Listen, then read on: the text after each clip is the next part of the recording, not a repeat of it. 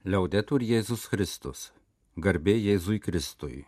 Kalba Vatikano radijas.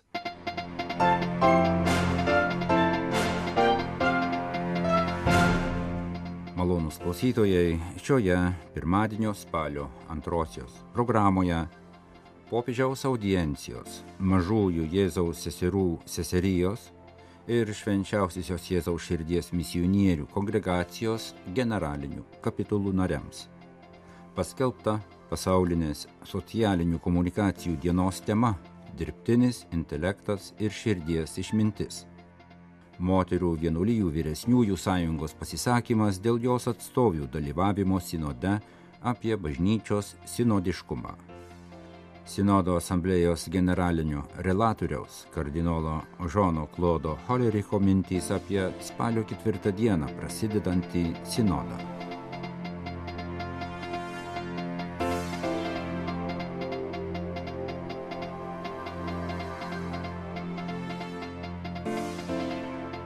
Tutto il nostro essere deve gridare il Vangelo, il Vangelo sui tetti, gridare il Vangelo. Visa būtimi garsiai skelbkite Evangeliją nuo stogų, pasakė popiežius pirmadienį spalio antrą dieną Šventojo Karolio de Foucault dvasinės šeimos narėms, mažųjų Jėzaus seserų seserijos atstovėms, su kuriomis susitiko po jų generalinės kapitulos. Popiežius pasveikino kapitulos išrinktą naują vyresnėją, atsakingą generolę ir kadenciją baigusią vyresnėją pajokavo, kad nereikėtų vadovus vadinti atsakingais, nes tada gali atrodyti, kad visi kiti neatsakingi. To neturėtų būti. Seserims pasakytoje kalboje Pranciškus akcentavo Dievo ieškojimo svarbą, meilę nuo žmonių paslėptam gyvenimui ir Evangelijos skelbimą. Anot šventojo Karolio de Foucault, visa mūsų būtis turi alsuoti Jėzumi garsiai skelbti, kad priklausome jam, perduoti evangelinio gyvenimo įvaizdį, sakė popiežius, priminęs, kad šventasis Karolis ragino daug galvoti apie kitus, daug melstis už kitus, turimomis priemonėmis aukotis dėl kitų išganimo, malda, gerumu, pavyzdžių.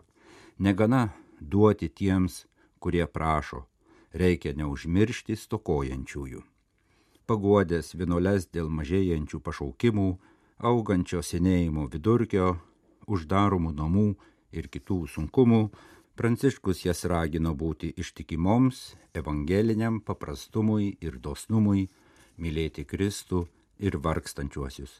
Padėkojęs seserims ir jas laimindamas, popiežius patikino, kad mažųjų Jėzaus seserų seserijos vienuolės yra svarbios Dievo talkininkės, pasaulyje sėjančios mažuosius evangelinio švelnumo perlus. Popiežius Pranciškus pirmadienį audiencijoje priėmė švenčiausiosios Jėzaus širdies misionierių kongregacijos generalinės kapitulos narius. Pranciškus kalboje aptarė kongregacijos charizminę tapatybę ir misionierišką įsipareigojimą. Anot popiežiaus, Kongregacijos kankiniai liudija, kaip priimti įvairius iššūkius daugybėje artimo meilės ryčių, kuriuose kongregacijos misionieriai pašaukti darbuotis visuose žemynuose. Vargšai migrantai, daugybė kančių ir neteisybių, kurios vis kartojasi pasaulyje, mums kelia įpareigojančius klausimus. Popiežius drąsino nebijoti į juos atsiliepti, su Kristaus širdies atjauta. Permettendo alle, alla tenerezza irresistibile del Sacro Cuore di modellare, modificare e anche coinvolgere, se necessario, i vostri piani e progetti. Leiskite, kad švenčiausiosios širdies švelnumas suformuotų, pakeistų ir jei reikia, sutrikdytų jūsų planus ir projektus. Ir prašau jūsų, nebijokite švelnumo, Dievo stilių apibūdinant trys dalykai - artumas, atjauta ir švelnumas. Dievas yra arti, jis atjaučiantis ir švelnus. Ir jūs būkite tokiais su kitais. Priimkite Dievo artumą, atjautą ir švelnumą, kalbėdamiesi su Jėzumi. Malda tokia svarbi jūsų įsipareigojimams. Be maldos dalykai neveikia, jie nevyksta, pažymėjo popiežius. Švenčiausiosios Jėzaus širdies misionierių kongregacijos generalinis kapitulos nariams. Dėkodamas už jų tarnystę, popiežius ragino tęsti darbus su entuzijazmu ir pridūrė. Fuggite dalla tristezza, che il tarlo che rovina la vita personale e la vita consacrata. Saugokitės nuliūdimo. Nuliūdimo kirmelė gadina gyvenimą, taip pat pašvestą gyvenimą. Jūs klausotės Vatikano radio žinių laidos lietuvių kalba. Tęsime programą. Dėl dirbtinio intelekto sistemų raidos bendravimas per mašinas ir su mašinomis tampa vis natūralesnis. Todėl darosi vis sunkiau atskirti skaičiavimą nuo mąstymo, mašinos sukurtą kalbą nuo žmogaus sukurtos kalbos. Pažymima Šventojo sosto pranešime apie ateinančių metų pasauliniai socialinių komunikacijų dienai minėsimai 2024 gegužės 12 parinktą temą. Tema dirbtinis intelektas ir širdies išmintis, kad bendravimas būtų pilnai žmogiškas, kalba apie naujus iššūkius, kurių apimties ir pasiekmių žmonių bei visuomenių gyvenimui, kaip pažymė ne vienas apžvalgininkas, ko gero dar nesuvokiame. Nors ir stebėmės visiems internetu pasiekiamomis dirbtinio intelekto technologijų pritaikymo galimybėmis, kurių kas mėnesį vis daugiau. Iš krikščioniškos perspektyvos itin svarbus šių technologijų poveikis ne vien asmenų produktivumui, bet ir pačiai jų egzistencijai. Kaip ir visos revoliucijos, taip ir ši, pagrista dirbtiniu intelektu, kelia naujų iššūkių. Pavyzdžiui, kad mašinos neprisidėtų prie plataus masto dezinformacijos sistemos, nedidintų ir taip vienišų žmonių vienatvės, atimdamos iš mūsų šilumą, kurią gali suteikti tik bendravimas tarp žmonių Svarbu suteikti gairias dirbtiniam intelektui ir algoritmams, kad visi atsakingai suvoktų, kaip naudotis ir plėtoti šias įvairias komunikacijos formas, kurios žengia koja kojon su socialinė žiniasklaida ir internetu. Būtina, kad komunikacija būtų orientuota į visavertį žmogaus gyvenimą, rašoma komunikate.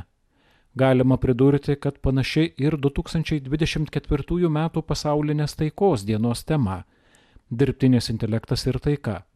Nulatos galima išgirsti vertinimų, kaip dirbtinis intelektas galėtų būti pritaikytas karinėms technologijoms ir reikmėms. O popiežius Pranciškus kviečia pradėti atvirą diskusiją apie tai, kaip dirbtinio intelekto srityje padaryta ir daroma pažanga gali įtakoti asmeninį ir socialinį gyvenimą, politiką ir ekonomiką, lygybę ir diskriminaciją, vargingiausiųjų ir atstumtųjų situaciją. Reikia atsakingai vystyti ir naudoti dirbtinį intelektą, kad jis tarnautų žmonijai ir mūsų bendrų namų apsaugai. Asmens orumo apsauga ir rūpestis brolybė yra būtinos sąlygos, jei norime, kad technologinė plėtra prisidėtų prie teisingumo ir taikos pasaulyje, pažymėta pasaulinės taikos dienos temos anonse.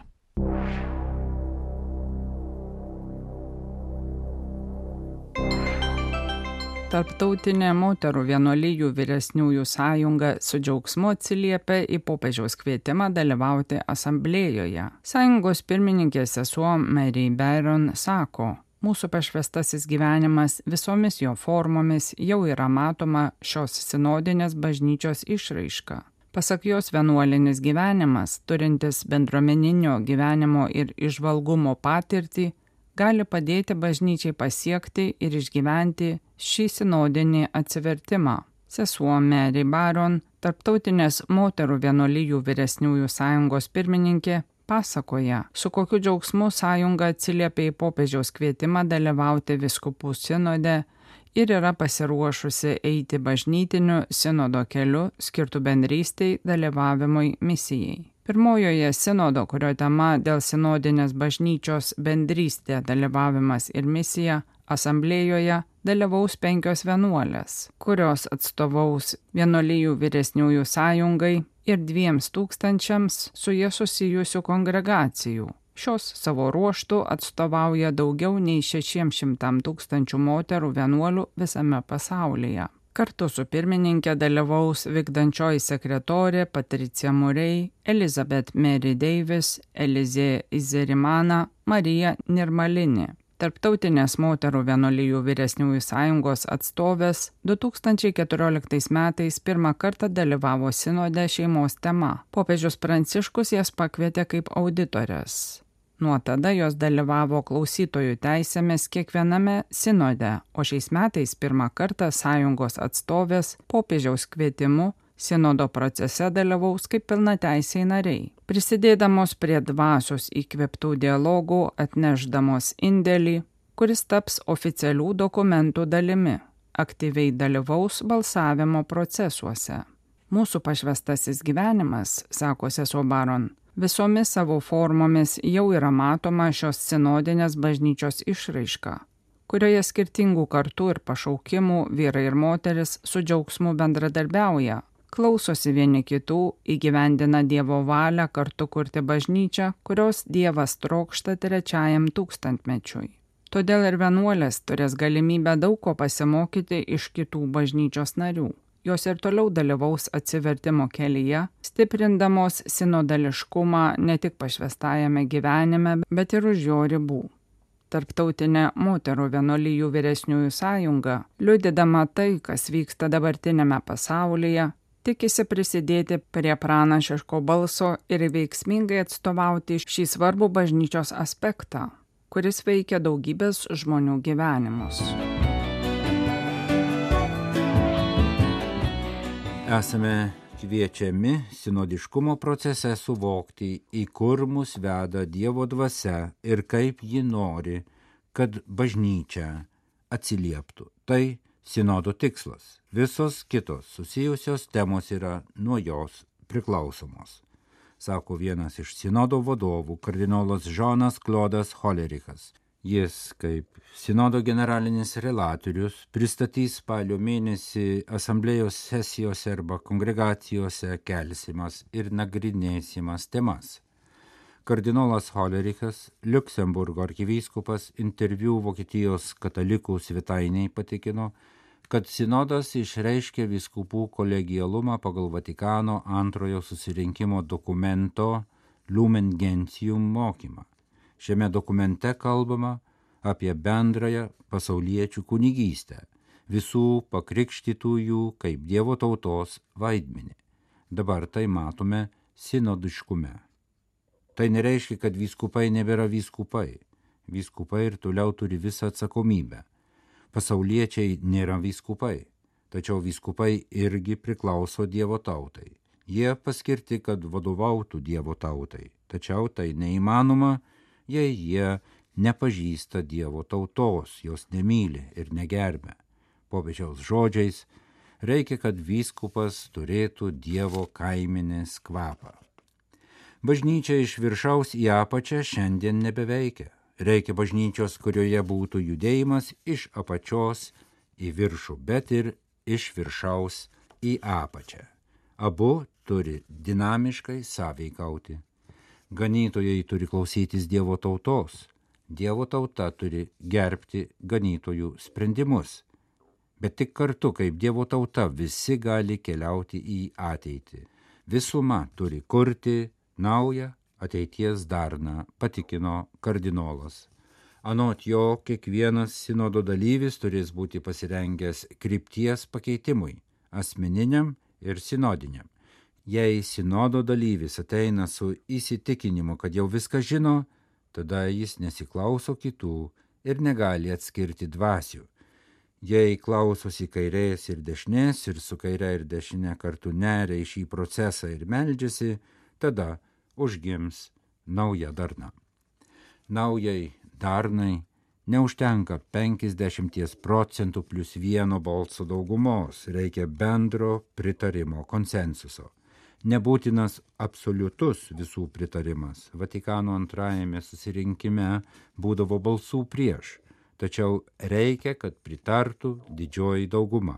Be to, Svarbus visas sinodinis procesas, ne tik rezultatas, patikino sinodo generalinis relatorius Holerikas. Beje, sinodas negali visko, pažymėjo kardinolas. Reikia nustatyti prioritetus, sinodo tikslą. Asmeniškai esu įsitikinęs, tęsė kardinolas, kad kai bažnyčia eina siektinų keliu, visada iškyla įvairūs klausimai bažnyčia turės atsakyti į šios klausimus, bet negalima sinodo lūkesčių perkrauti, kitaip nusivilsime, bet tai nereiškia, kad nieko neįvyks. Gali visko būti, galbūt ir išryškės nauja bažnytinė organizacinė struktūra, sakė kardinolas atsakydamas į vokiečių svetainės klausimą apie tokią galimybę. Žonas Klodas Holerichas priminė, kad Sinodo asamblėja spalio mėnesį bus tik pirmoji iš dviejų asamblėjų apie bažnyčios sinodiškumą. Kita įvyks 2024 metais. Numatytina, kad ši asamblėja parengs gairias kardinolo žodžiais kelio planą, pagal kurį bus galima tęsti sinodinę kelionę iki kitos asamblėjos. Te reikia nuspręsti, kokias temas pavesti 2024 m. asamblėjai ir kaip toliau eiti iki 2024 metų. Reikia suprasti, kad dar nenuspręsta, kaip toliau eiti. Ne, pažymėjo pašnekovas Vokietijos katalikų svetainiai, tai nuspręs sinodas. Nenorime pateikti jokių nurodymų be daugelio kitų opių klausimų pokalbėje iškelta ir bažnyčios Vokietijoje sinodinio kelio tema. Žonas Klodas Holerichas sakė, suprantas norą įgyvendinti reformas Vokietijoje, tačiau patikino, kad reformos bažnyčioje nėra nurodomos. Popiežius Pranciškus nekarta sakė, kad sinodinis kelias yra ne tas pat, kas yra sinodinis procesas – įsiklausomi ne visų, o tik kai kurių atstovų balsai. Kardinolas samprotavo apie svarbą atsisakyti galios struktūrų. Bažnyčioje nėra galios, o autoritetas, tarnystė. Reikia sumažinti valdžios aparatą, kad bažnyčia Vokietijoje nebūtų pasmerkta mirčiai, sakė jis. Vokietija patiria didžiulį tikėjimo praradimą. Anot kardinolo, teisūs tvirtinantys, kad struktūrų reforma nesustabdys tikėjimo praradimo. Reikia atrasti naują būdą tikėjimui skelbti, naują kalbą Evangelijai skelbti. Žonas Klodas Holerichas neabejoja, kad bus rastas sprendimas, taip pat Vokietijoje. Manęs tai nejaudina, šventoji dvasia veikia laike ir tikrovėje. Pasitikiu, gerąją šventąją dvasę. Pasitikiu Jėzumi Kristumi, kad jis pasirūpins savo bažnyčią, kad bažnyčia yra jo ir kad jis mus visus suburs. Juk Dievo dvasia suartina, o ne skiria.